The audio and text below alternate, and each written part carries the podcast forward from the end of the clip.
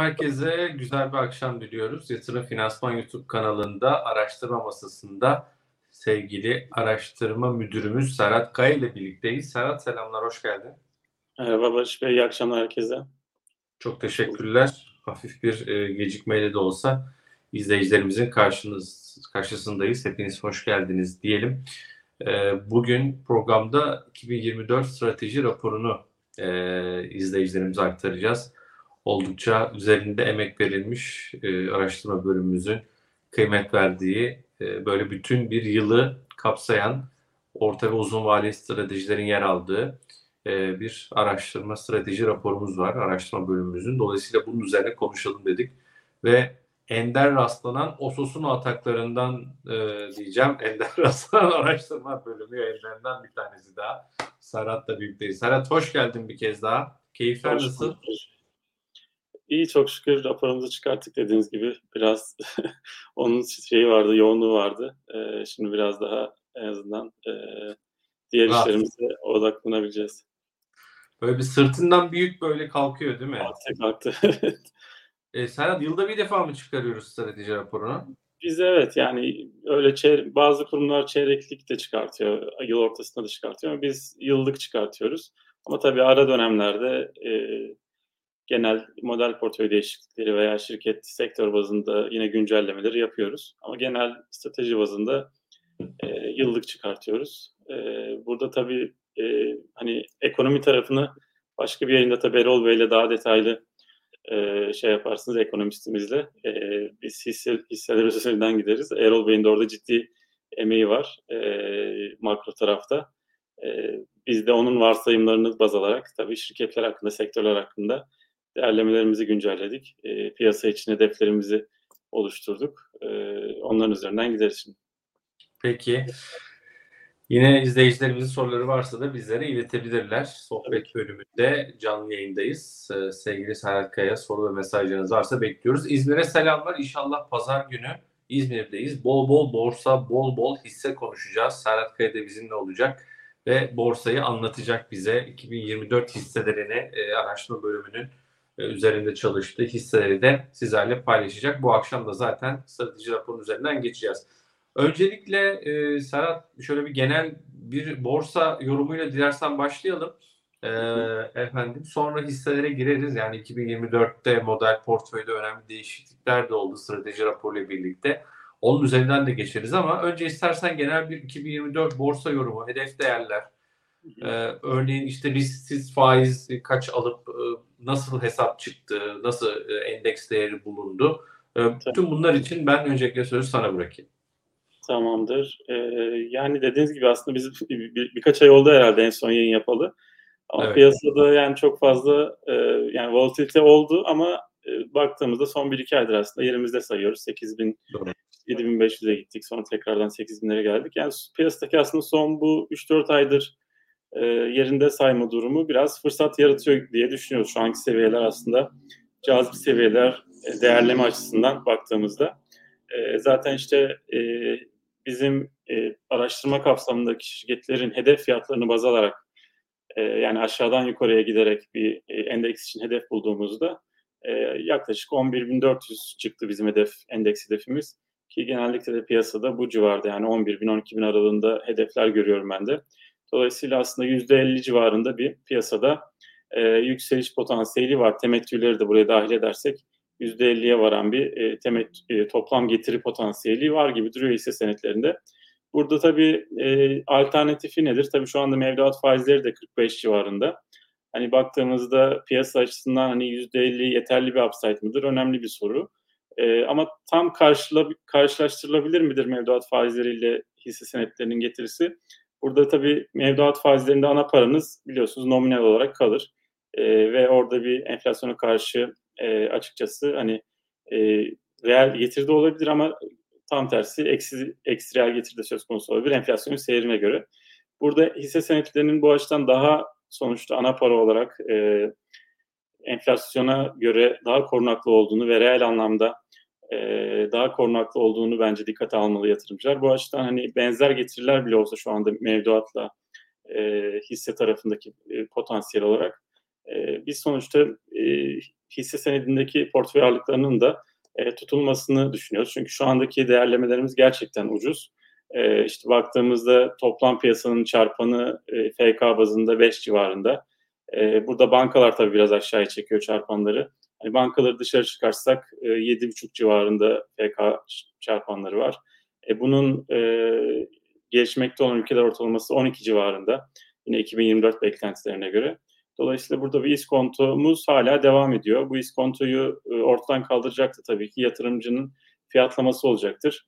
E, burada hem yerli yerli yatırımcı hem de yabancı yatırımcının e, ilgisi olursa bu iskonto azalacaktır diye düşünüyoruz. Baktığımızda bu ilgi zaten şu anda ilk olarak Türkiye'nin risk primini ciddi bir şekilde aşağı çektiği göz, gözüküyor. İlk olarak seçim sonrası yapılan e, ekonomi politikalarındaki değişiklik sonrasında risk, risk, risk, e, risk primimizde ciddi düşüş yaşandı. CDS'lerde bunu görüyoruz.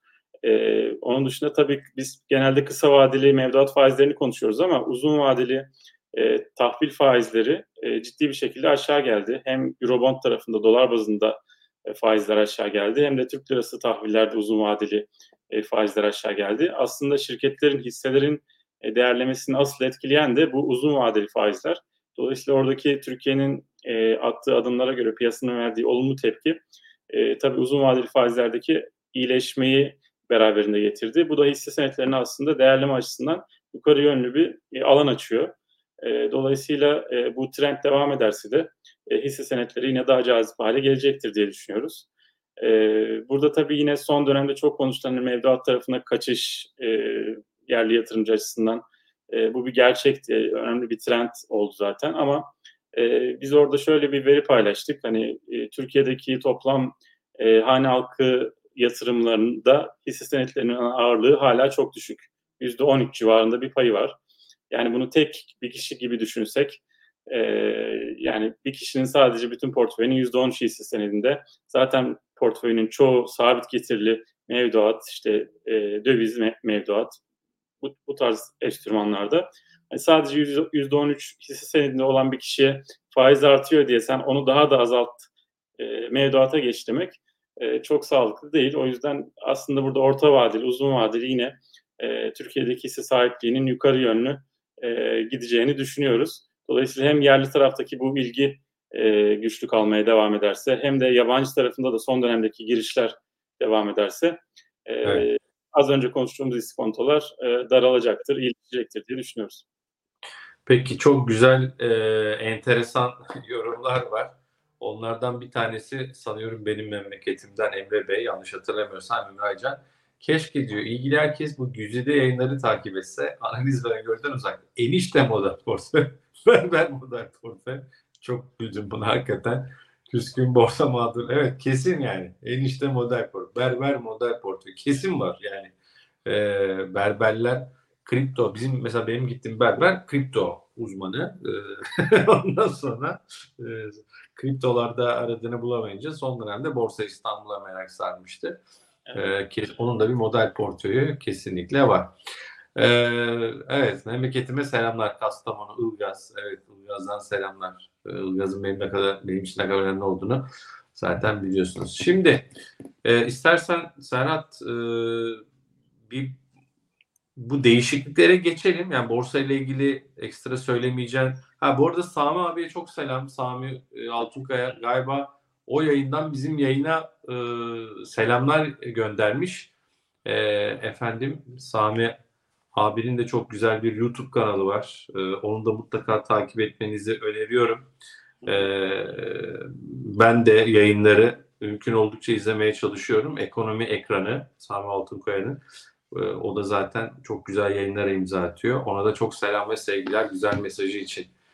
Şimdi e, borsa ile ilgili ekstra söyleyeceğim var mı? Direkt hisselere geçelim mi?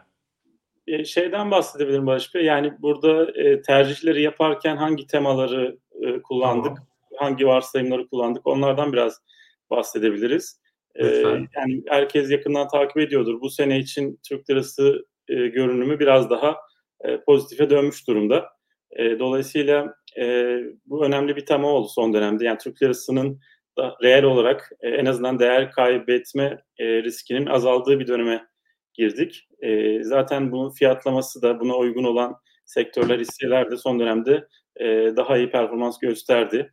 E, dolayısıyla bu yine hisse seçimlerinde önemli bir tercih, e, önemli bir kriter olmaya devam edecek.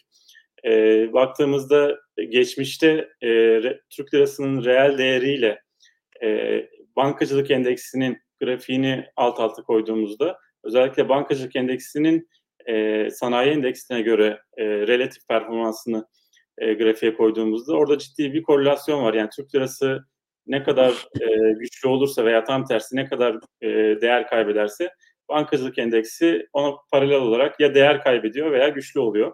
E, son 2-3 ayda da zaten bunu yaşadı aslında piyasa. Türk lirasına ilişkin beklentiler kuvvetlendiği için e, bankacılık endeksi çok güçlü kaldı. E, sanayi tarafı e, biraz daha bu satışta e, piyasayı aşağı çeken sektör oldu. E, dolayısıyla şimdi bundan sonrası için tabii bir miktar bu beklenti fiyatlandı. Hani bankalar için evet Türk lirasındaki bu görünüm e, pozitif etkilemeye devam edebilir ama bir yandan da e, fiyatlanan bir gerçek var. Yani çünkü son 2-3 ayda piyasada bazı hisseler %20, %30 aşağı geldi. Ama e, işte banka senetleri yukarı gitti. E, burada belki bir miktar banka tarafında e, daha iştahlı olmak için belki biraz düzeltmeleri beklemek daha sağlıklı olabilir diye düşünüyoruz. E, dolayısıyla bu tema devam edecektir 2024'te ama e, biraz önden fiyatlama olduğu için e, burada biraz daha düşüşleri fırsat olarak bankalarda kullanmayı e, tercih ediyoruz. E, onun dışında yine 2024'te hani çok e, yine popüler olan bir e, tema hani iş tüketimin daralması beklentisi. E, bu da biliyorsunuz yani hükümet yetkilileri de zaten bunu seslendiriyor. Yani yüksek faiz ortamında zaten böyle olması normal. E, ama burada bizim görüşümüz biraz bu iş, iş tüketimdeki daralmanın e, beklendiği kadar ya da korkulduğu kadar fazla olmayabileceği yönünde ya da çok keskin bir daralma olmayabileceği yönünde.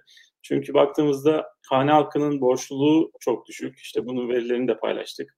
Yani %11 civarında, 12 civarında Türkiye'deki hane halkının borcunun e, gayri safi milli hasılaya oranı var. Bu diğer ülkelerde çok daha yüksek. E, dolayısıyla hane halkları borçlu olmayınca faize duyarlılığı da düşük oluyor. E, tam tersi burada son 2-3 senedir e, düşük reel faizden hatta negatif reel faizden olumlu etkilenen yani servet etkisi olarak olumlu etkilenen bir hane halkı yapısı var Türkiye'de. Tabii ki yani düşük gelir grupları burada enflasyon karşısında e, daha çok sorun yaşıyorlar şu anda ama hani genel resimde e, hane halkı tük- tüketiminde en azından çok keskin bir daralma e, olmayabileceğini şu anda görüyoruz. Bu da belki e, e, daralma beklentisiyle çok fazla satış yiyen hisselerde, e, işte döngüsel hisselerde yani tüketime duyarlı olan e, sektörlerde ve şirketlerde belki bir fırsat oluşturabileceğini düşünüyoruz. İşte otomotiv e, olabilir bu. Belki e, gayrimenkul tarafı olabilir.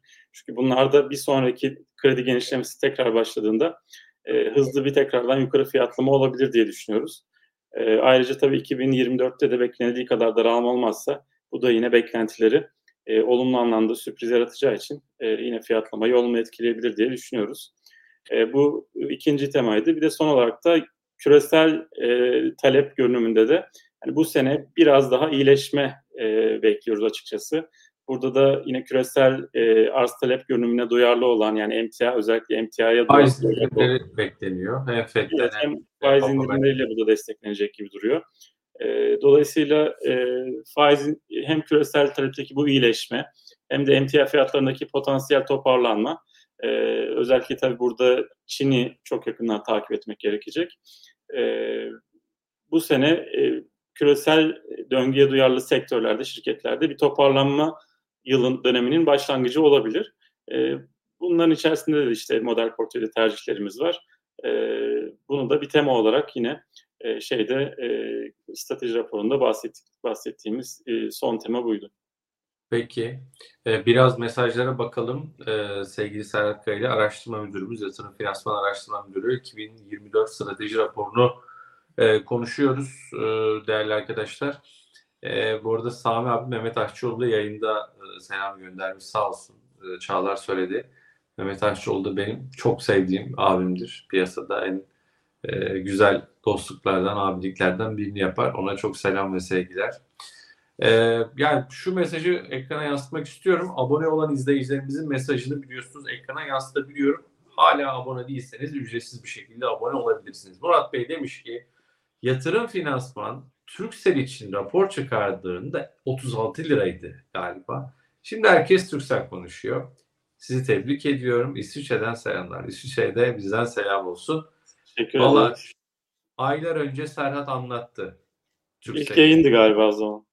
Galiba ilk yayında olabilir. Yani bu yedinciyi yapıyormuşuz bu arada şaka maka. Ee, yani Turkcell'i aylar öncesinde söyledi. Çok net söyledi. Çok net hatırlıyoruz. Efendim telekom sektöründe ama Turkcell'i çok öne çıkarmıştı. Turkcell şu an kaç lira bilmiyorum nereye gitti. Bugün 63 liraları gördü sanırım. Evet maşallah. Yani zaten tabii te, e, telekom analistimiz Emre Duman ama ben de buradan ona selam yollayayım. E, kendisi bu arada yani Türk Telekom'u da biz çok iyi yerde ekledik. Son o da son bir ayın herhalde en iyi e, performans göster gösteren hisselerinden birisi oldu. Onu da hani sonra da Türk Telekom'a ekledik. İkisi, ikisi de şu anda e, bizim en çok beğendiğimiz hisseler listesinde. E, dolayısıyla orada e, sektörel e, toparlanmayı e, iyi yakaladık gerçekten. Hani şey olarak e, bizim de şeye portföy iyi katkı yaptı iki hissede. E, aslında bu az önce konuştuğumuz Türk lirasının e, daha iyi performans göstereceği temaya da uygun zaten bu sektör. Çünkü o zaman da konuşmuştuk işte gelirleri Türk lirası, e, yatırım harcamaları döviz endeksi. Dolayısıyla burada Türk lirasının daha güçlü olması beklentisi her zaman telekom sektöründe e, pozitif bir dinamik yaratıyor. Evet Serhat yani zaten 2023 yılında şimdi bunun böyle hani boş bir mutluluk boş bir e, gurur değil. Onu söyleyelim ya da kendi kendimizin reklam ama evet reklamı ama hak eden bir reklam. 2023 yılında Borsa İstanbul 100 endeksini neredeyse ikiye katladı model portföy. E, senin ve işte diğer arkadaşlarımızın e, emek gösterdiği. BIST 100 yüzde 46 mı 36 mı yaptı? BIST 137 ile kapattı sanırım öyle bir şey. Ama bizim model portföy e, onu bayağı bir Yüzün üzerinde bizim evet. Evet. Bizim getirimiz yüzde yüzün üstünde model portföyün. Gerçekten biz bunun e, hatta televizyonda da bantlarla herkese duyurduk. Sosyal medyada da duyurduk. O yüzden biz çok e, rahatız yani. En yatırım finansman en güçlü kaslarından bir tanesi araştırma bölümü, araştırma birimi, araştırma hizmeti. Bunun için de bir kez daha teşekkür ediyoruz canlı yayında. Şimdi Serhat geçelim ee, evet rasyonel ee, öyle yani rasyonel ee, hakikaten öyle ve biraz öngörüyü öngörüsü fazla olan zamanlama da tabii çok önemli. Ee, sanatlar e, hakikaten bu işi güzel yapıyor. Şimdi biraz istersen model portföye doğru geçelim. 2024 çünkü önemli değişiklikler oldu. Bayağı bir hani strateji raporu böyle biraz bir genişlettik. Böyle, ha, biraz genişlettiniz böyle. Evet. Allah Allah ben de baktım böyle bir anda hani e, yeni girenler oldu. E, dolayısıyla Serhat neler var neler yok. Ben hisseler için sözü sana bırakayım. Tamam. Ki galiba bizim ekranımızda var. Burak'a getirebilirse istersen ekran üzerinden de anlatabilirsin. Nasıl bir tamam. sayfa gelecek? Evet model portföyde değişiklikler ekranı geldi. Evet yani burada 6 tane e, yeni hisse ekledik. 2 tane çıkan oldu. Yani daha önce 10 hissemiz vardı. Şu anda 14 hisseye çıkmış olduk. E, aslında bu şu demek yani e, riski daha fazla dağıttık. Çünkü bu sene hakikaten hani az önce genel görünümü paylaştık ama yani yıl içerisindeki gidişat çok farklı da olabilir. Yani şu andaki bizim ana temamız enflasyonun yavaşlayacağı yönünde. E, ama biliyorsunuz yani Türkiye piyasası, dünya piyasası çok oynaklığa gebe. Dolayısıyla biz tekrardan belki enflasyonun yukarı gittiğini de görebiliriz.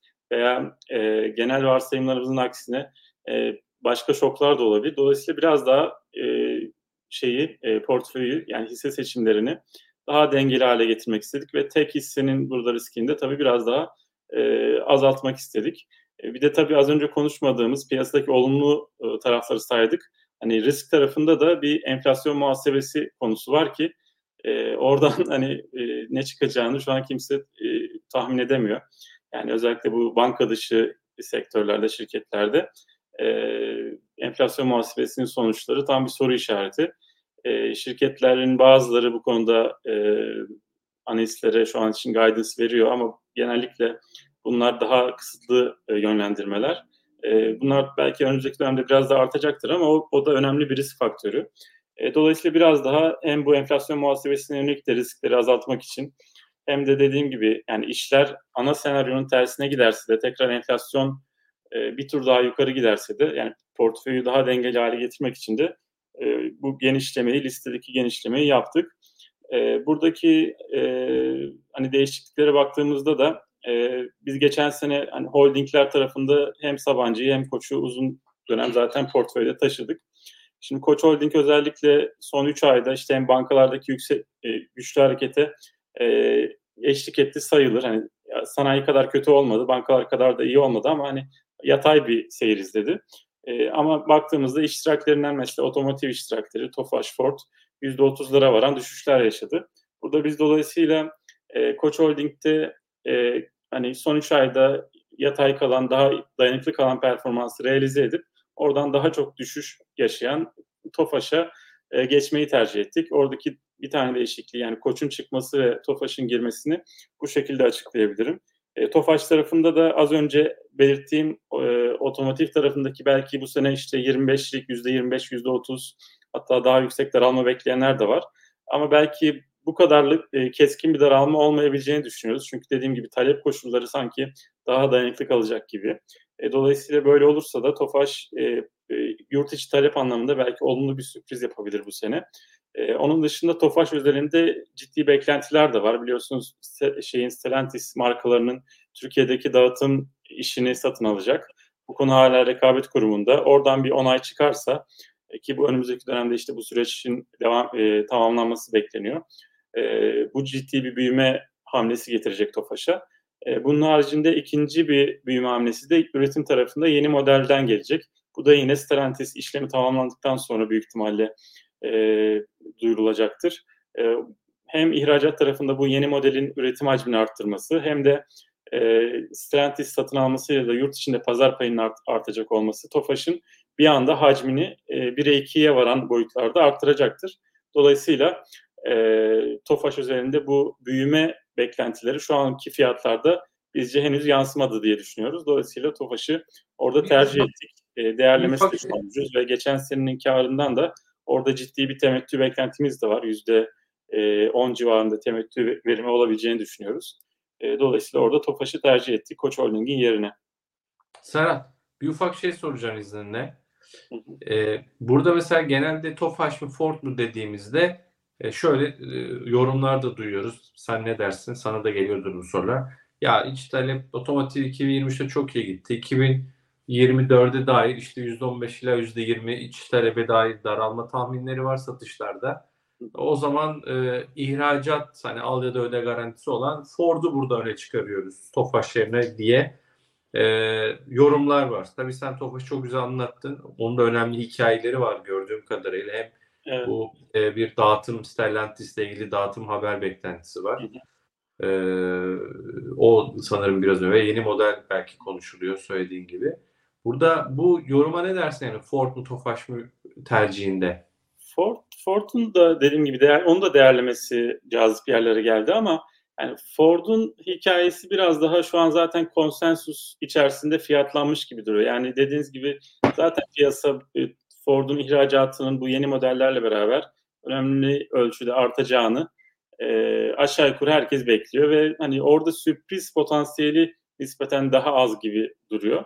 Ama Tofaş'ta özellikle bu rekabet kurumu sürecinin uzaması sanki orada şu anda piyasa o süreç olmayacak gibi e, daha olumsuz bir fiyatlama var diye düşünüyoruz. O yüzden Tofaş'ta olumlu sürpriz yapma ve bu yüzden de fiyatın daha hızlı hareket etme e, potansiyeli var diye e, bekliyorum şahsen. Yani Ford'daki beklentilere de katılıyorum ama e, dediğim gibi Tofaş'ın hem e, yurt içi piyasa daralsa bile model port yani elindeki modeller genellikle kötü piyasada da iyi satan modeller.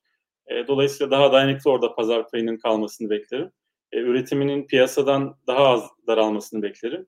O yüzden yani piyasadaki daralma e, sert olsa bile Tofaş daha az etkilenecektir ki bizim beklentimiz belki piyasanın da o kadar daralmayabileceği yönünde. E, dolayısıyla orada tercihimizi Tofaş'tan yana kullandık. Tamam. Tofaş'ı istiyorsan anlattık. Aynen. Diğerlerine geçebiliriz. Tamamdır. E, Ereğli'yi e, burada hani yukarıdan aşağı gideyim. Ereğli'yi de Kardemir'in yerine, yerine aslında biz şimdi değişim yaptık. E, Ereğli'de hem tavsiyemizi de burada e, yukarı çektik. Daha önce endekse paralel getiri olarak tavsiyemiz vardı. Şimdi onu e, endeks üzeri getiriye çektik ve hedef fiyatımızı da 65 liraya yükselttik. Orada da %50 civarında bir şu anda potansiyel getiri hesaplıyoruz. E, Ereğli tabii biliyorsunuz son bir, bir buçuk senedir genel olarak çelik sektöründe e, Çin'den gelen agresif, e, düşük fiyatlı ithalat baskısıyla marjlarda bir daralma var, zayıflık var. Ama e, son aylarda bunun biraz e, toparlanma eğilimine girdiğini gözlüyoruz. Özellikle Türkiye'de de e, bu ithalata yönelik bir soruşturma açıldı. Bunun önümüzdeki dönemde sonuçlanması e, buradaki ithalattan gelen baskıyı belki önemli ölçüde azaltabilir. E, bunun haricinde genel olarak az önce bahsettiğim gibi dünyada 2024'te belki bu faiz indirimlerinin e, gerçekleşmesiyle beraber genel olarak e, talep görünümü bir miktar daha iyileşebilir. E, ve aslında demir çelik sektörü e, yani hep tabii döngüsel olarak biliriz ama dünyada şu anda mesela çok ciddi bir enerji e, dönüşümü var. Yeşil enerji yatırımları çok hızlanmış durumda. Aslında bu demir çelik sektörü de bu enerji yatırımlarından çok ciddi fayda sağlayabilecek bir sektör. Çünkü e, dünyadaki işte özellikle güneş paneli, rüzgar e, kulesi yatırımları, e, rüzgar santrali yatırımları e, demir çelik talebini de her yıl ortalama %2-3 artıracak şeklinde projeksiyonlar var. Dolayısıyla talep görünümü aslında bundan sonra iyileşecek diye bekliyoruz dünyada. E, ve e, özellikle Çin'deki bu fazla üretip dünyaya ihraç etme e, trendi de belki biraz azalabilir ve hani Kardemir'den Ereğli'ye geçme tercihimiz de burada bize biraz özellikle Çin'in son dönemdeki politikalarından kaynaklanıyor. Çünkü Çin biz daha fazla e, artık çok fazla inşaat tarafına teşvik vermeyeceğiz. Sanayi tarafına e, büyütmek için e, işte bütün teşvik politikamızı şekillendireceğiz şeklinde bir e, planları var. Dolayısıyla belki inşaat demiri üreten e, şirketler için bir miktar daha ithalat baskısı dünya genelinde e, Asya tarafından e, karşılaşılabilir ithalat tarafında baskı. Ama bu e, yassı çelik tarafında biraz daha az olabilir diye düşünüyoruz. E, o yüzden de e, orada yassı çelik üreticisi olarak Ereğli'yi e, şu anda tercihlerimiz arasında ekledik. E, demir cevheri fiyatlarında son dönemde aslında ciddi bir yukarı hareket var. E, evet. Bunun dünyada o ham madde e, açısından demir cevherinin hızlı büyük hareket yani diğer emtialara nazaran ne bileyim bir bakıra baktığında e, yani büyümeye endüstriyel emtialara nazaran demir cevheri aslında biraz burada e, tabii sen çok daha iyi takip ediyorsundur ama biraz hani iyi olumlu yönde yukarı gitti gibi görünüyor. Bunun hani etkisi Kardemir, Ereğli tercihinde e, var mı? Nasıl oldu sevgili Serhat? Ee, yani şöyle Ereğli tabii ki aslında bir maliyeti, maliyet kalemi. Yani demir cevherinin e, nihai Ereğli'nin sattığı nihai ürünlerden daha fazla artması aslında maliyetleri arttıran ve dolayısıyla marjlar için olumsuz bir durum. Ama burada piyasa dinamikleri genelde şöyle işliyor. Demir cevheri arttığında e, demir e, çelik nihai ürün, ürün fiyatları içinde artış beklentisi e, doğuyor ki genelde de fiyatlar da onu takip ediyor. Dolayısıyla bir de şirketlerin elinde stoklar olduğu için yani ilk başta e, demir cevheri fiyatı artsa bile bunun Ereğli'nin bilançosuna yansıması genellikle 3-4 ay sonra oluyor. E, dolayısıyla e, ilk baştaki o fiyat artışı, ürün fiyatlarının artması marjları daha önden olumlu etkiliyor. Maliyetlerin artışı sonradan geldiği için genellikle demir cevherinin artışıyla başlayan e, fiyat yükselişleri Ereğli için bilançoya olumlu yansıyor. Bu bahsettiğim maliyetlerin arkadan gelmesi dolayısıyla. Benzer bir durum belki 2024'ün işte başından itibaren olabilir. E, gerçi son dönemde biraz aşağı geldi tekrardan son bir haftada demir cevheri ama genel olarak e, şu anda fiyatların dip yaptığı sektörde de konuşuluyor. Yani son bir ay, bir, e, bir, bir buçuk ayda Avrupa'da da yüzde on beşe yakın, yüzde on beşe varan e, bu yassı çelik HRC e, fiyatlarında toparlanma var döviz bazında. E, dolayısıyla e, burada e, bu da şirketi e, o maliyet artışlarını karşılamasına izin verecektir. Bir de tabii Ereğli'nin e, döviz bilançosu var biliyorsunuz. Az önce bahsettiğim enflasyon muhasebesi büyük bir belirsizlik. Burada e, enflasyon muhasebesine karşı da Ereğli e, bu belirsizliği yaşamayacak şirketlerden birisi olacaktır. Hatta belki e, vergisel anlamda da olumlu etkilenme durumu da olabilir. Çünkü biliyorsunuz Ereğli çok ciddi vergi e, oranlarıyla karşılaştı. Kur artarken genellikle Ereğli'nin e, efektif vergi oranı yükseliyor. Belki enflasyon muhasebesiyle beraber bu durum normalleşebilir ve vergisel anlamda e, pozitif bir etki doğabilir Ereğli'ye e, enflasyon muhasebesinden dolayı. E, dolayısıyla e, bu pozitifliği de burada dikkate almak lazım. Peki, e, Serhat da buradaki hedef değerler izleyicimize sormuş. Hani ne kadar sürede ulaşabilir vesaire diye. Buradaki hedef değerler e, bir yıl 12 aylık hedef değerler. Değil mi? Onu belki bir söylemek lazım. Tabii yani genelde yani 2024 sonu gibi düşünmek lazım Hı-hı. ama e, burada işte yani bütün e, sektörü biliyorsunuz fiyatlar hedef fiyatlara geldikçe genellikle analistler bunları günceller e, veya ana tahminlerimizden farklı senaryolara göre diyelim ki daha kötüye gitti ana tahminlerimize göre şirketin verileri. Bu dönemde aşağı yönlü revizyon da olabilir.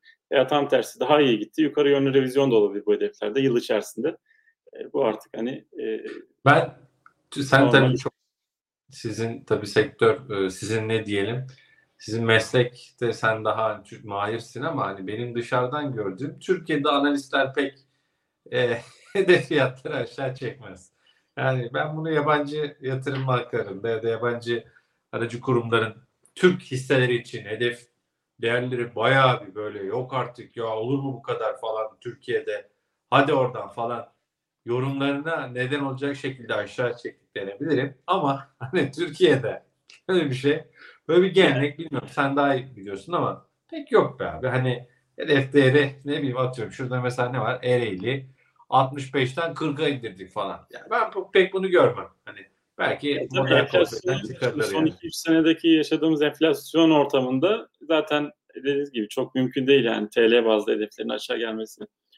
Ee, ama hani iş şirkete bağlı yani bilançosu hakikaten kötüye giderse e, aşağı yönlü revizyonlar da yaptığımız e, oluyor Oldu yani. Mu?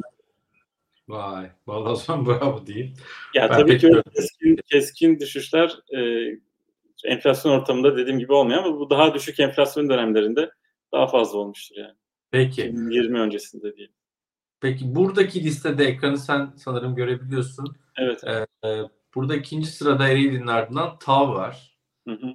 TAV Havalimanları ve potansiyel getiri açısından e, şu an listede en yüksek potansiyeli sahip hisse senedi gibi görünüyor. TAV'la evet. ilgili hani pek e, hani e, ne diyelim beklentiyi son dönemde karşılayamadı diyebilir miyiz? Hı hı. Ee, kesinlikle geride kalan bir performansı var. Evet. Dinleyelim seni. O yüzden fırsat olarak değerlendirdik. E, çünkü dediğiniz gibi 2022'de, 2023'te e, hava yolları çok ciddi hem Türk Hava Yolları hem Pegasus çok ciddi ralliler yaşadı. E, ta bunların arkasında kaldı. Yani bunun da sebepleri vardı tabii. Çünkü bilançosunda e, yaptığı yatırımlardan dolayı borçluluğu biraz artmıştı. Dolayısıyla hatta işte temettüler ertelendi vesaire. E, dolayısıyla e, yani o borçluluk döneminin sancılarını yaşadı ama şimdi bu yaptığı yatırımların e, meyvelerini almaya yaklaştığı bir döneme doğru gidiyoruz. E, özellikle e, işlettiği e, üç tane büyük hava havalimanı var. Birincisi Antalya, diğeri Ankara e, ve Kazakistan. Üçünde de ciddi kapasite artışları olacak. Bunlar e, kademe kademe 2024'ün ikinci yarısından itibaren devreye girecek.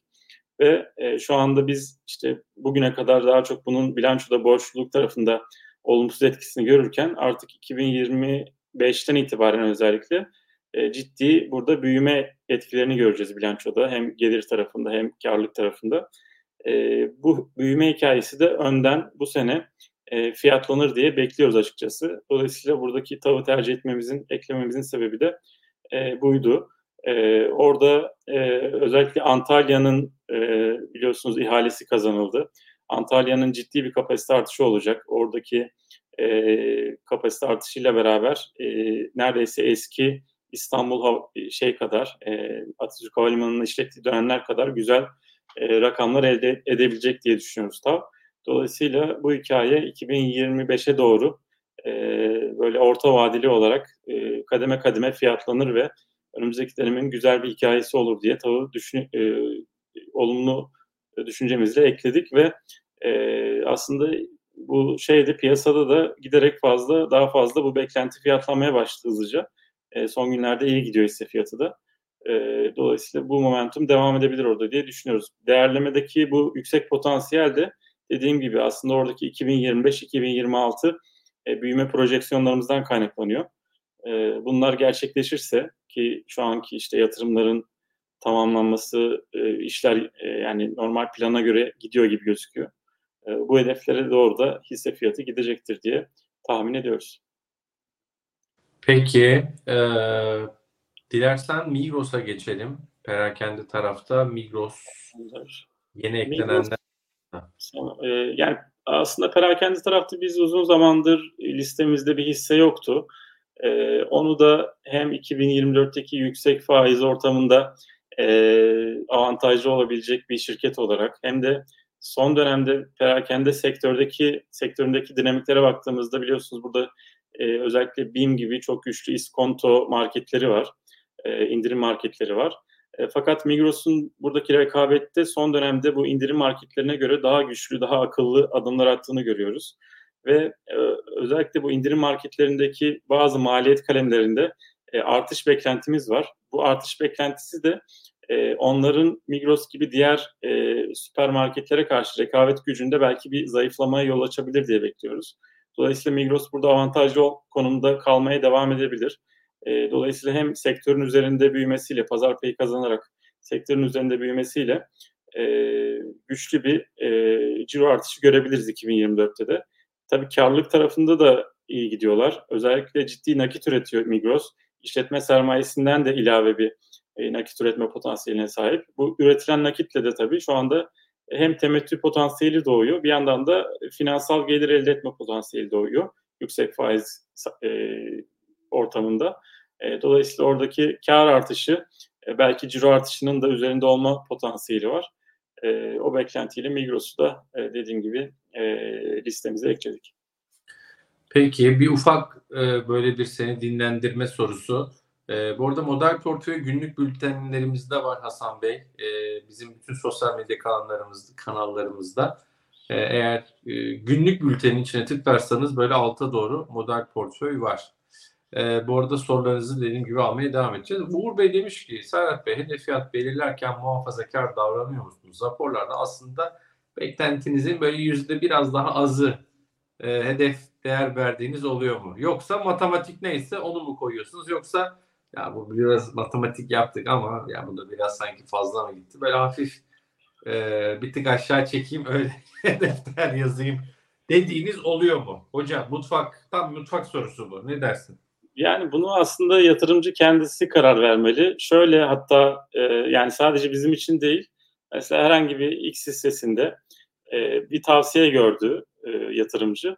E, herhangi bir kurumdan yani bizden veya başka bir kurumdan. Hmm e, şöyle bir hesap yapmalı. Bu hedefe gittiğinde o hisse e, hangi çarpandan acaba işlem görüyordur? Yani mesela e, Ereğli acaba 65 lira olduğunda veya işte Migros 620 lira olduğunda bizim 2024 beklentimize göre veya 2025 beklentimize göre hangi çarpandan işlem görüyor? Orada acayip bir 20'ler 30'larda bir FK ortaya çıkıyorsa o hedef belki şişirilmiş olabilir veya işte tam tersi düşük çıkıyorsa e, işte hedefimiz mesela olumlu bir hisse konuşuyoruz ama hedefimiz de geldiğinde bile tahminimize göre işte diyelim ki 3 FK çıkıyor. O zaman belki e, Uğur Bey'in dediği gibi belki orada hedeften biraz kırpılmış olabilir. Burada yatırımcının aslında bu hesabı kendisini yapması gerekiyor. Biz e, yani açıkçası kendi hedefimizi belirlerken zaten bu e, ileriye dönük şeyi de kontrolü de yaptığımız için e, genelde makul değerler, hedefler vermeye çalışıyoruz. Peki, çok teşekkürler. İstersen listeden devam edelim. Vakıflar Bankası var. Ee, evet, yani vakıf şöyle bankası... sorayım. Özür dilerim. Şöyle istersen soralım. Bankalarla ilgili konuştuk. Bankalar son dönemde ciddi bir performansla gösterdi ama kamu bankaları geride kaldı. Evet. Hatta e, JP Morgan'ın raporunda mıydı? Ya da Bank of America yanlış söylemiyorum. ikisinden biri. Orada e, tavsiye verirken özel bankaları öne çıkarmışlardı. Kamu bankalarını piyasa altı getiri e, olarak e, daha da tercih etmediklerini görmüştük. Bizde e, Vakıflar Bankası var. E, dolayısıyla soruyu böyle sormuş olayım. Ne dersin? Yo, aynen çok güzel yerden aslında şey yaptınız. Yani piyasa hakikaten kamu bankalarını son dönemde cezalandırdı. Yani daha geriden e, fiyatlama gördük kamu bankalarında özel bankalara göre.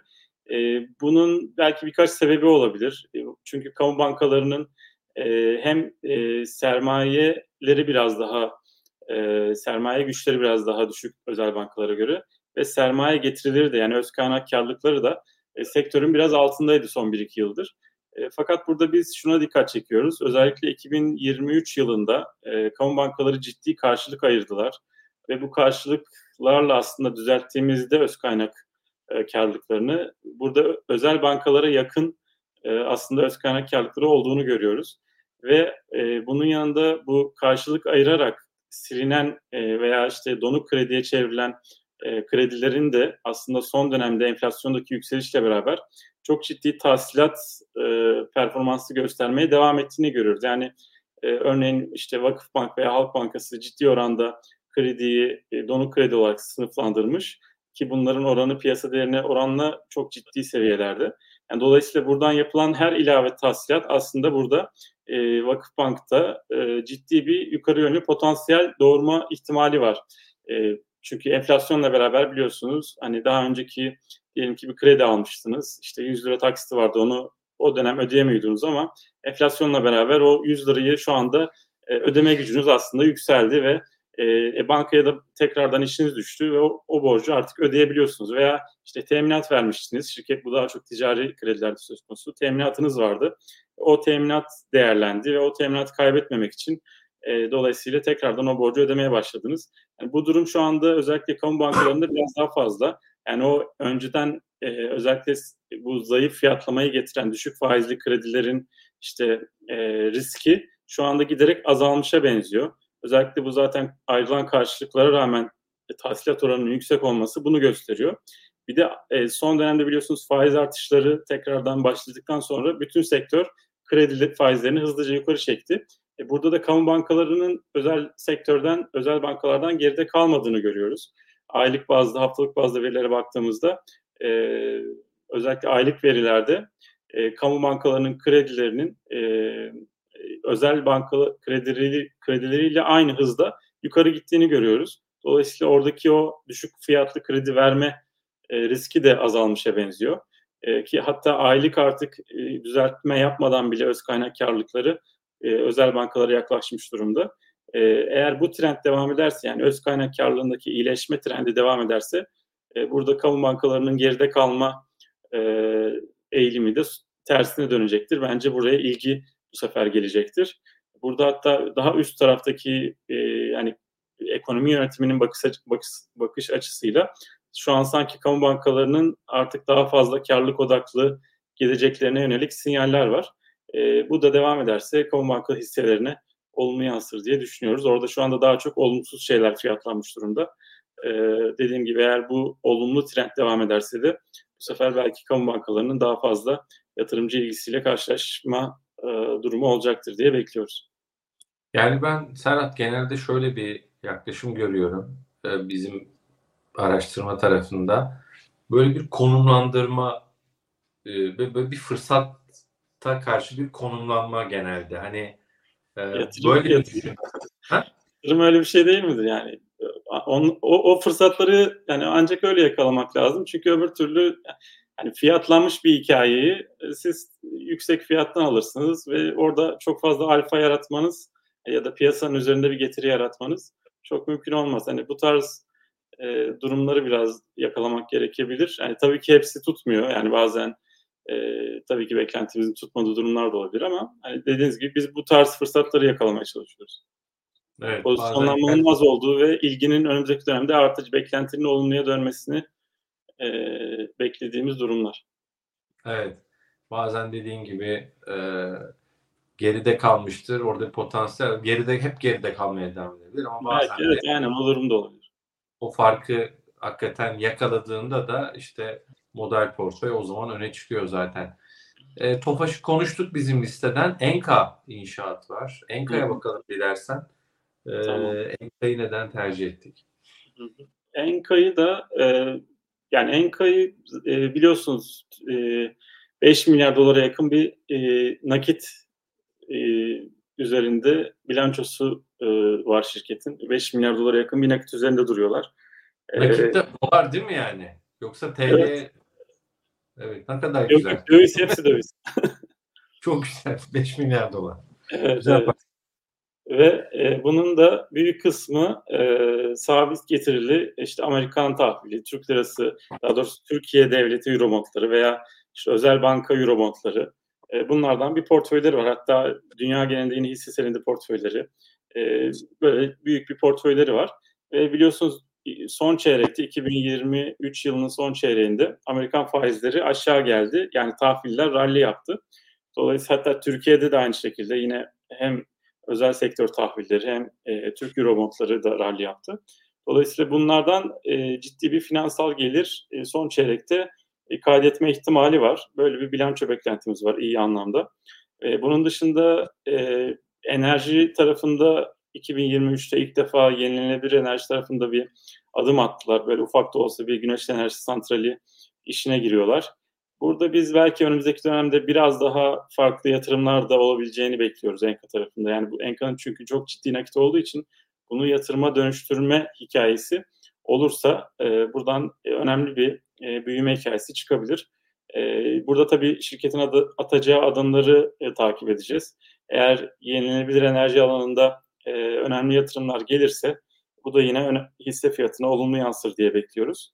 E, onun haricinde Rusya-Ukrayna biliyorsunuz e, savaşı e, algıyı olumsuz etkiliyor Enka için. Çünkü Rusya'da ciddi gayrimenkul portföyü var. Yani orada e, yani her sene 400 milyon dolara yakın kira geliri elde, elde ediyorlar Rusya'dan. E, dolayısıyla e, Rusya piyasasının veya Rusya-Ukrayna savaşının e, sona ermesi ki son haftalarda bu tarz e, beklentiler biraz yükseldi.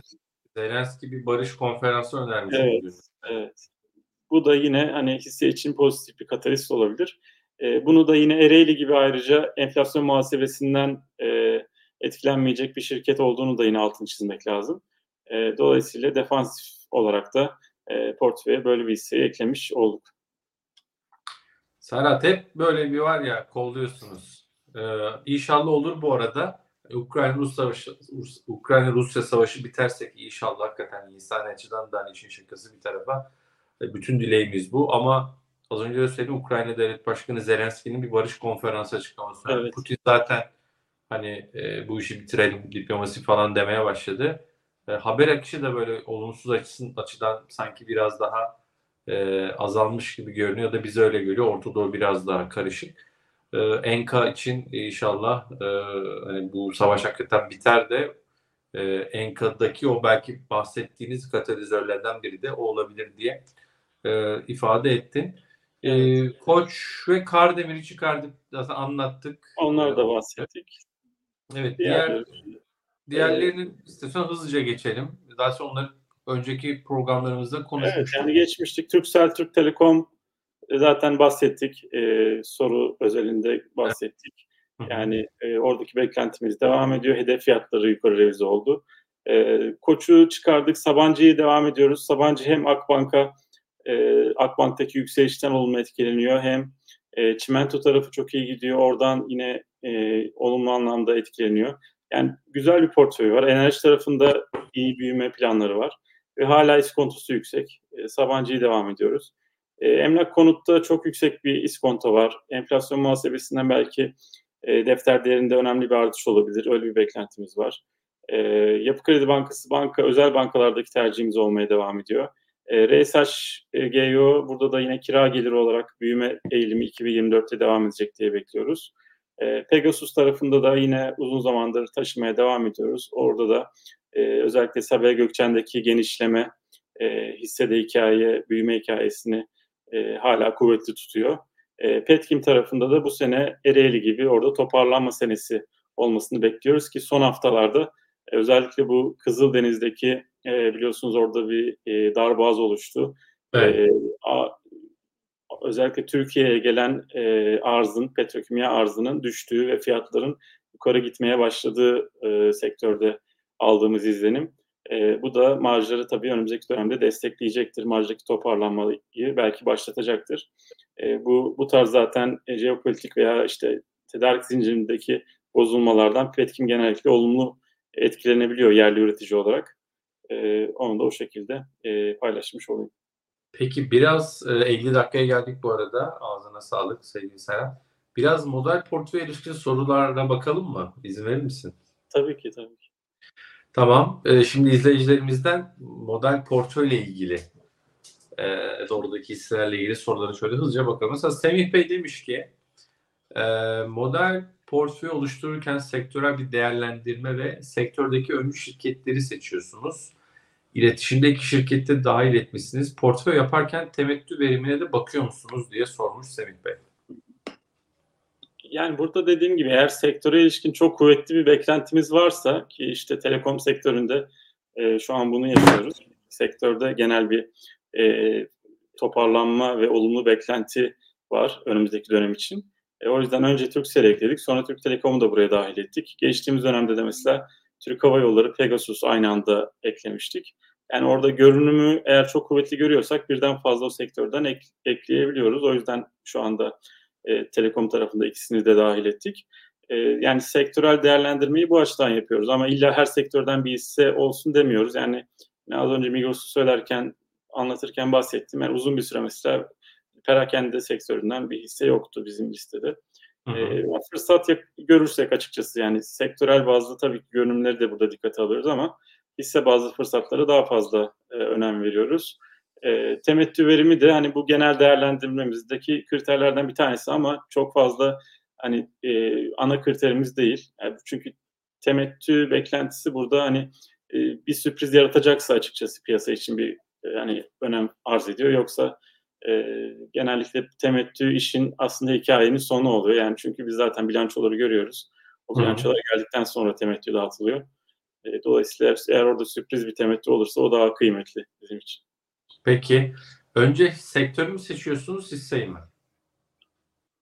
Yani dediğim gibi biz daha çok şirket aslında bazında gidiyoruz. Yani sektörel genel işte çok sektör için çok olumlu bir gö- görüntü varsa burada de, işte telekom örneğindeki gibi Zaten Hı. o sektördeki iki hissede veya daha fazla hissede geneline ya. yayıldığı için bu görünüm e, o zaman e, sektör bazlı gidip daha fazla şirkete ekleyebiliyoruz. Arif Bey'in bir sorusu var. Ee, böyle güzel ters soruları severiz. Koç Holding'in çıkarılma sebebi %660 potansiyel gerçekleşmesi diye düşünürsek %600'e getirisi yaklaşmış. Pegasus hala niye model portföyde? Yani koç e, az önce aslında bahsettim. E, tabii ki ilk eklediğimiz dönem e, herhalde iki sene olmuştur. İki sene kaldı yani listede. E, o yüzden bu yüksek getiri oluştu. E, tabii piyasanın da üzerinde bir getiri oluştu. Yani orada e, çok uzun, uzun kaldığı için değil, biz orada koça göre yani koçun altında sonuçta koçun yukarı gitmesi için iştiraklerinin de iyi performans göstermesi gerekir. Orada koça göre iştirakleri olan otomotiv taraftaki iştiraklerinde daha iyi bir fırsat gördüğümüz için koçtan Tofaş'a geçmeyi tercih ettik.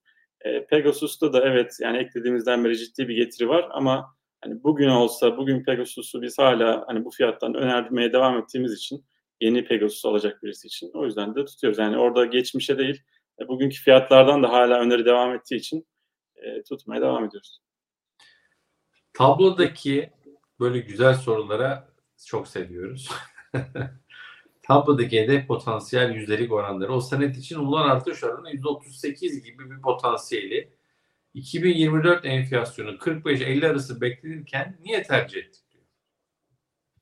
Burada dediğim gibi ara ara güncellemeler oluyor ee, ve e, yani bu demek Yani değildir ki o, geldiğimizde o hedef değer %38 ise atıyorum 40 sa daha Evet. da yukarı belki de götürülebilir. yukarı gidecek. Evet evet yani burada veya o %38'i belki de 3 ayda yapacak. 3 ayda yaptığında onun mevduat eşleniği %45-50 değil veya enflasyon eşleniği e, %45-50 değil. Dolayısıyla onu onu da 3 aylık bakmak lazım. E, yani orada demek ki kısa vadeli de bir beklentimiz e, olabilir demektir. E, o yüzden de e, hani sadece e, hani çok genel geçer değil, ben, kısa vadeli beklentileri de orada genellikle dikkate alıyoruz. Peki. Şimdi klasik sorulara geldik model portföy anlatırken. Neden sigorta yok? Neden enerji şirketi yok? E, sigorta, Sigorta, evet ne diyorsun? Evet, sigorta tarafında yani bir tane Anadolu sigortamız e, araştırma kapsamında aslında var. Ama açıkçası onu e, yani 2023'teki yükselişi e, çok hızlı oldu. E, o dönemde hani biz kendi e, içimizdeki veya işte e, şubedeki çalışan arkadaşlarımızla veya diğer işte satış yapan arkadaşlarımızla konuştuğumuzda tabii bunları o dönemde daha kısa hareketlerle e, tavsiye olarak paylaştık ama tabii model portföyü almak için biraz hedef fiyatımızı revize etmemiz gerekiyordu. O ara onu kaçırdık yani çok hızlı gittiği için o dönem onu kaçırdık açıkçası. E, sonradan da şu an baktığımızda tabii biraz fiyatlanmış gibi gözüküyor hikayesi. 2024'te de gerçi genel görünümü olumlu. E, ama hani başta kaçırınca biraz yukarıdan sonradan e, hikayeye dahil olmak da zor oluyor. E, dolayısıyla şu anda biraz orada beklemedeyiz. Ama belki daha fırsat görürsek aşağı e, daha iyi yerlerde bir şey yakalarsak e, olabilir. Enerji tarafında da aslında belki yeni raporumuzdan bahsedebiliriz. Orada iki tane e, araştırma kapsamına hisse aldık biliyorsunuz. Tamam. E, model portföye eklemedik ama e, yani strateji raporuyla beraber çıktığı için e, Burak, onları belki rapordan enerji- iki tane enerji şirketi galiba araştırmaya dahil edildi değil mi? Evet, evet. Birincisi Aydem Enerji. Ee, ondan bahsedebilirim. Ee, orada da güzel bir hikaye var. Yani çünkü e, o da aslında hani bu genel bizim listedeki gibi biraz daha kontra bir e, seçim. Yani çünkü genelde piyasada çok fazla konuşulmayan, çok fazla takip edilmeyen bir enerji şirketi ki aslında en büyük yenilenebilir enerji portföyü var. E, 1200 megawattlık bir portföyü var ve tamamı e, yenilenebilir enerji e, üretimi üzerine. E, ve bu büyüklük e, diğer şirketlere göre dediğim gibi halka açık şirketler arasında e, en büyük portföy. E, burada son dönemde hisse performansı biraz zayıftı çünkü döviz borcu olduğu için Türk lirası değer kaybettiği dönemde biraz e, kur farkı zararları oluştu ve bu bilançoda tabii olumsuz karşılandı piyasa tarafından. Ama e, burada önümüzdeki dönemde iyileşme bekliyoruz. Özellikle e, hidroelektrik santralleri biliyorsunuz e, son 1-2 sene yağış rejimi geçmiş ortalamaların oldukça altında gitti. Aydem'in de portföyünün %70-75'i hidroelektrik santrallerinden oluşuyor. Ve bu sene çok e, açıkçası hani maşallah diyelim iyi giden e, yağış e, eğilimi var. E, işte 2024'ün ilk 15 gününe baktığımızda geçen senenin ilk 15 gününe göre %150 oranında artış var e, hidroelektrik santrallerin üretiminde. Yani bu %150 artış bizim tahminlerimizin de çok çok üzerinde. Eğer bu trend devam ederse zaten biz 2024 yılında oldukça fazla Aydem konuşuruz. Ee, yani sosyal medyada da bu oldukça çünkü hani %150'lik HES'lerin artışı e, şu an Aydem'in e, e, hisse fiyatına hiçbir şekilde yansımış değil. E, bizim oradaki değerlememizde zaten hani HES'lerin normalleşme e, üretimdeki normalleşmesini bir miktar yansıttık ama asıl bizim beklentimiz şirketin kendi ürettiği nakitle beraber e, yapacağı yatırımlarla beraber kapasitesini arttırması. Burada şu anda 1200 megawatt olan kapasitenin biz 1500 megawatt'a çıkmasını bekliyoruz ki bunu şirket borcunu arttırmadan kendi kazandığı parayla yapıyor. Dolayısıyla her kapasite artışı değerleme çarpanını daha makul hale getiriyor. Ki e, diyelim ki bir noktada yeni yatırımlar durdu. E, bu noktadan sonra da şirket hızlı bir şekilde borcunu azaltması mümkün hale geliyor. Şu anda dediğim gibi e, EBITDA performansı geçen seneki yağışların yavaş, e, düşük olması nedeniyle 2023 yılında biraz geriledi ama 2024 yılında hem yağışlardaki artış hem yeni kapasitenin getireceği ilave üretim e, burada ciddi bir büyüme e, getirecektir. Ve şu anda fiyatlarda değil diye düşünüyoruz. Yani sektörde ortalama 1 megawattlık kapasite 1.4-1.5 milyon dolar civarında fiyatlanıyor. Bu Aydem özelinde 0.9 milyon dolar civarında yani oldukça büyük bir iskontosu var. Hem bu iskontonun azalması mümkün önümüzdeki dönemde sonuçların iyileşmesiyle hem de dediğim gibi büyümeyle beraber ilavede bir getiri oluşması mümkün hisse senedinde. Ki yağışların beklentimizin üzerinde gitmesi halinde açıkçası buradaki hedeflerimizde de daha da aslında hızlı ulaşma imkanı olabilir. Evet, biraz bereketle ilgili bir Yağışlar bereketli olursa hisseye de bu yansıyor gördüğüm kadarıyla. Diğer enerji şirketi Evet, diğeri de yani aslında o da e, tam enerji yani enerji sektörünün farklı bir alanı. E, Turkas e, enerji üzerin enerji e, sektöründe farklı e, iştirakleri olan, farklı sektörlerde iştirakleri olan e, bir şirket. Biraz holding yapısında ama hani Sabancı gibi holding veya Koç gibi e, çok geniş bir portföyü yok. Daha odaklanmış, e, iki iştirak üzerine odaklanmış bir portföy var. Burada en önemli varlığı da Shell ile olan ortaklığı. E, Türkiye'deki Shell e, %21 pazar payıyla e, lider konumda bu piyasada ve ciddi bir e, pazarda güçlü hakim pozisyonu var. E, bu da aslında markanın olumlu algısından ve marka gücünden kaynaklanıyor. Çünkü istasyon başına satışlara baktığımızda Shell'in e, istasyon başına satışları e, sektör ortalamasının neredeyse iki katı. E, dolayısıyla burada önemli bir verimlilik avantajı getiriyor bu e, daha yüksek istasyon başına satış yapılması. Tabii bu karlılıklara da olumlu yansıyor.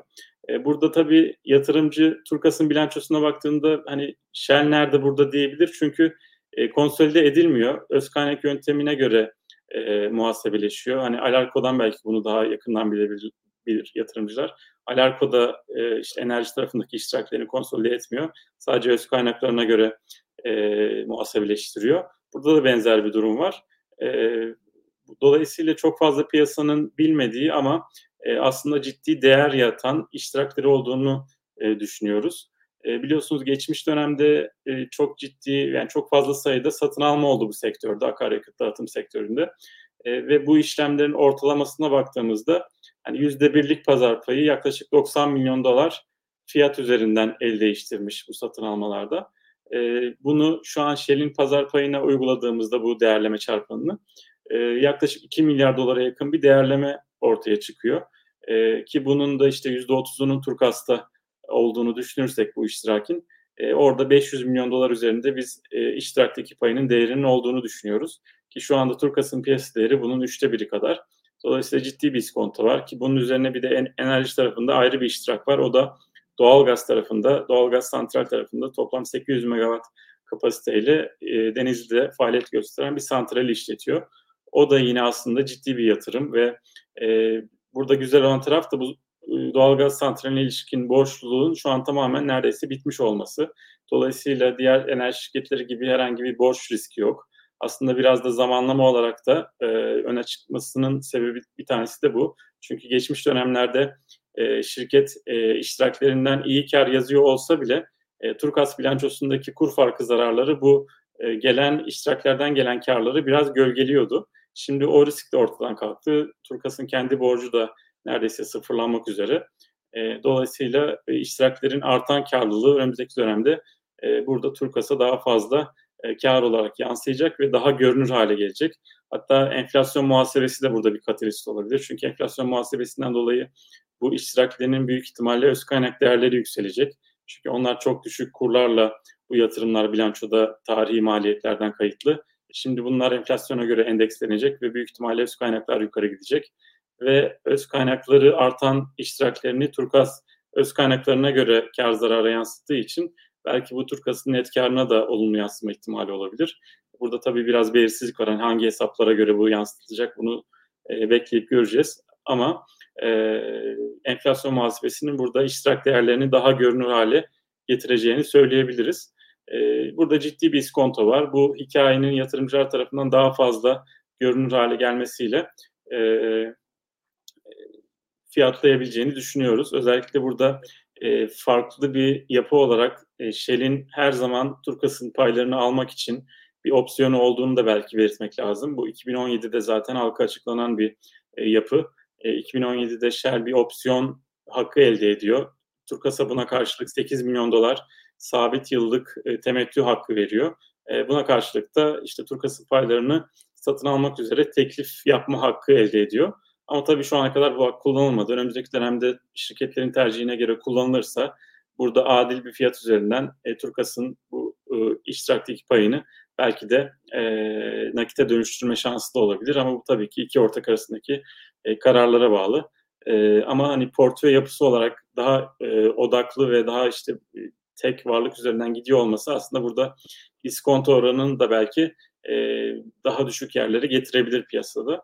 E, yani Koç'un veya Sabancı'nın portföyünü bir anda likitte etmesi çok mümkün değil.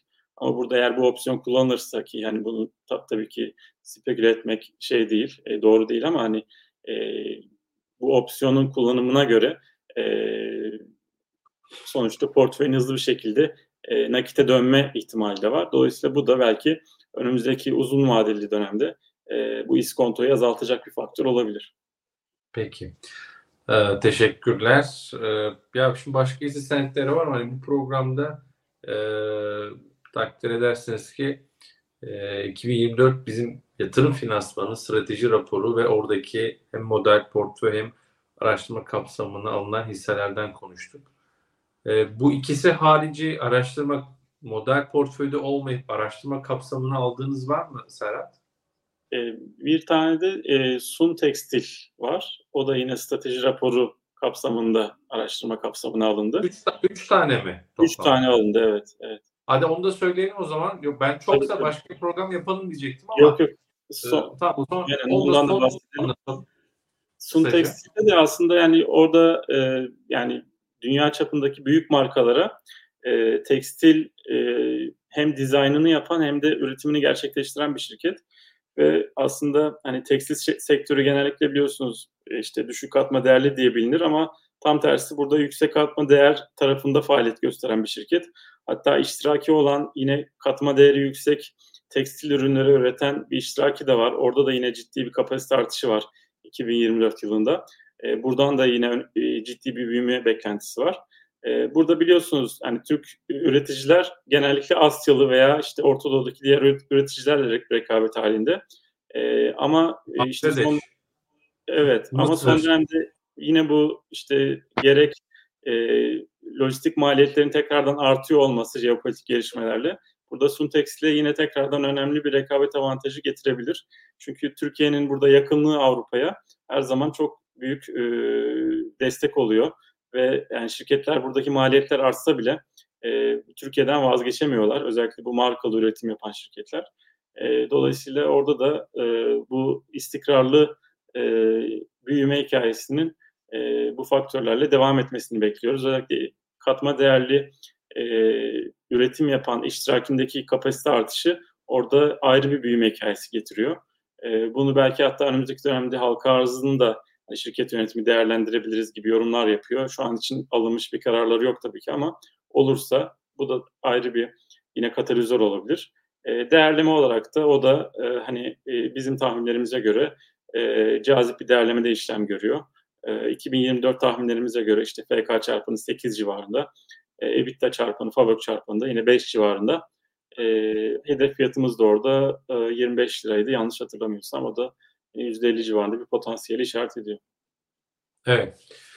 Ee, yukarıda bakalım. Burak yukarı çekelim. Hedef fiyat 25. Evet. %55'lik bir potansiyel var. Ee, Valla Serhat çok teşekkür ederim. Ağzına sağlık. Ee, bu arada Yusuf Bey inşallah Şubat ayında düşünüyoruz. Konuşuruz yeniden. Sorunuza öyle yanıt vermiş olalım. Ee, teşekkür ederiz bu Biz ederiz. Bir yorum vardı ben bulamam ama Serhat Bey'in yorgunluğunu anlıyorum. Bu yorgunluk beden yorgunluğu değil, mental yorgunluk diyordu. Yani bu raporu hakikaten çıkardılar. Ha bulmuş Muhammed Bey almış. Serhat Bey de dediğim gibi yorgun. Bu yorgunluğu nerede olsa tanırım. Fiziki değil, mental yorgunluk demiş. E, ne yapalım? Çalışıyoruz, yoruluyoruz. Şey Şeyden rapordan sonra rahatladık çok şükür.